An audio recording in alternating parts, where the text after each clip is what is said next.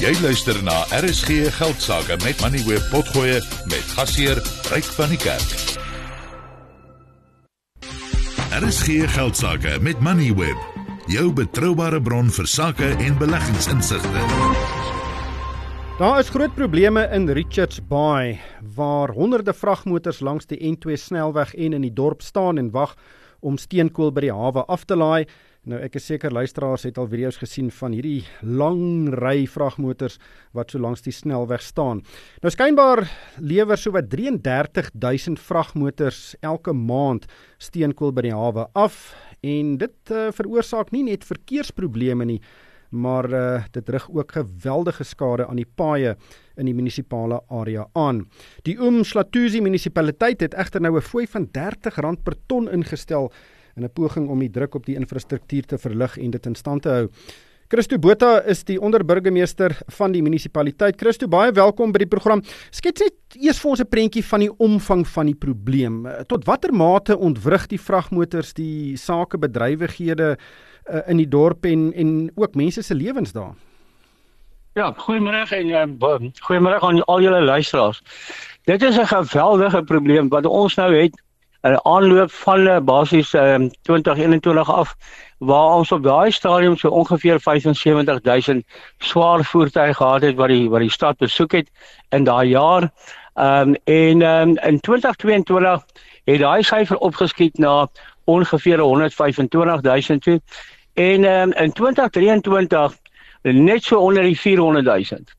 Nou verlede jaar, hier teen die einde van November, toe was al reeds 'n aanduiding dat op daai stadium ongeveer 500 000 swaar voertuie uh, Richards Bay en en en die hawe besoek het. Nou, ek dink dit is baie duidelik dat so 'n groot vragtoename die skade wat dit aanrig um, aan ons paaie infrastruktuur is geweldig nie net dit nie, maar die ontwrigting op die paaie uh vir vir die res van ons inwoners hierso dit dit veroorsaak groot probleme en ook die probleme wat veroorsaak toegang tot ander besigheidspersele in Alton en ander areas in in Richards Bay. Hierdie vragmotorbestuurders neem totaal en al oor parkeer oral 'n uh, blok ingang na ander besighede toe en ons het op 'n punt gekom waar ons net doeteenvoudig as 'n stad glad nie meer hierdie situasie kan hanteer nie.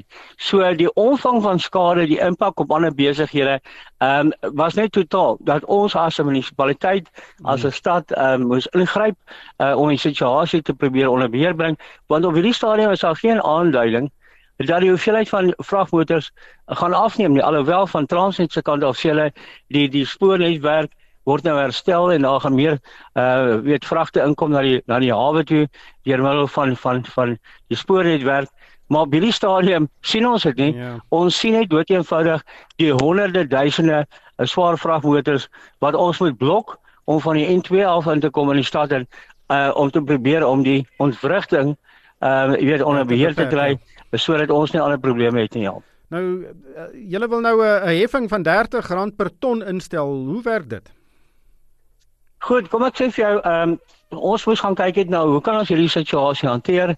Uh weet tot die beste belang van ons stad en sy inwoners en ons het besluit ons moet kyk na die totale in en uitvoer van enige produk uh van die hawe af. So enige produk wat gehaal word by die hawe met 'n vragmotor of enige produk wat by die hawe afgelaai word met 'n vragmotor. En dit sluit natuurlik die spoornetwerk uit. Daar moet 'n heffing geplaas word per ton op elke liewe een en enkele van daai ehm um, kommoditeite. En die die persone of die instansies wat moet, moet betaal is die in en uitvoerders. Want dis die ouens wat die honderde en honderde en honderde miljoene rande maak. Ehm um, en ons paai in die werk vir voort vernietig deur die uh, vervoermaatskappye wat hulle gebruik om hulle produk hawe toe te bring. En ons het besluit deur 'n vol raadsbesluit dat ons moet kyk na 'n situasie waar daar 'n bedrag gehef word per ton wat op daai manier of in of uitgevoer word uh, en gehaal of afgelewer word en heidaglik het ons besluit op R30 te doen. Maar hierdie is die begin van die proses. Want ons kyk na Transnet, 'n deel van ehm um, hulle ehm um, konstitusie maak wel voorsiening dat hulle as 'n ehm um, invorderingsagent kan optree. Maar ons besef Daar is 'n klomp ander hmm. belanghebbende instansies wat gekontak moet word en ons is besig om te kyk wat is die beste ja. wat ons op 'n publieke deelname situasie kan gaan ja. Ja kyk, is een ding om 'n uh, so besluit te neem om dit te doen. In Suid-Afrika gebeur dinge baie stadig. Uh is hierdie ehm um, versoek of hierdie besluit wat jy geneem het iewers in 'n regulatoriese proses dat dit goed gebeur, goedgekeur kan word en en deur hoeveel hoepels gaan jy moet spring om dit reg te kry? Ja, nee, kyk ons ons is onder geen man indruk dat hierdie nou 'n baie maklike proses gaan wees nie. Ons is nou deur die hele kom ons sê die beginproses, maar ons uh, gaan nou moet begin um, om um, publieke deelname te bewerkstellig met met alle belanghebbers. Uh, in hierdie proses kan kan 'n paar maande neem. En ons hoop ons kan om 'n tafel sit met al die invoerders en uitvoerders en uh, weet tot 'n verhaal kom. Dit mag dalk nie R30 wees nie, ons mag dalk uh, ooreenkom op 'n ander bedrag, maar dit is belangrik vir ons as 'n stad om oor te dra aan al hierdie ander instansies wat basies ons infrastruktuur verpletter ten einde hulle in staat te maak om 100 100 miljoen rande se profite te maak. Ons hoop om om 'n tafel te sit en vergelyk te kom wat die proses baie makliker en vinniger gaan maak. Dit gaan ook beteken dat ons ons bywette moet verander, dat ons dit deur die wetgewende proses moet sit. Ja, en daar seker baie vrae aan aan ander dinge wat ons gaan moet nou kyk. Uh, maar ons het goeie regsadviseurs wat ons wilsaam is. So ons is onder geen ban indruk dat hierdie doeteenvoudige situasie gaan wees waar ons 'n knoppie druk en ja. môre kom maar miljoene rande in ons rekening. En ek wil net een ding baie duidelik maak. Die idee is nie dat ons hierdie proses wil gebruik om nou vir die volgende 5 of 10 jaar elke maand miljoene rande in ons in 'n sak te sit nie.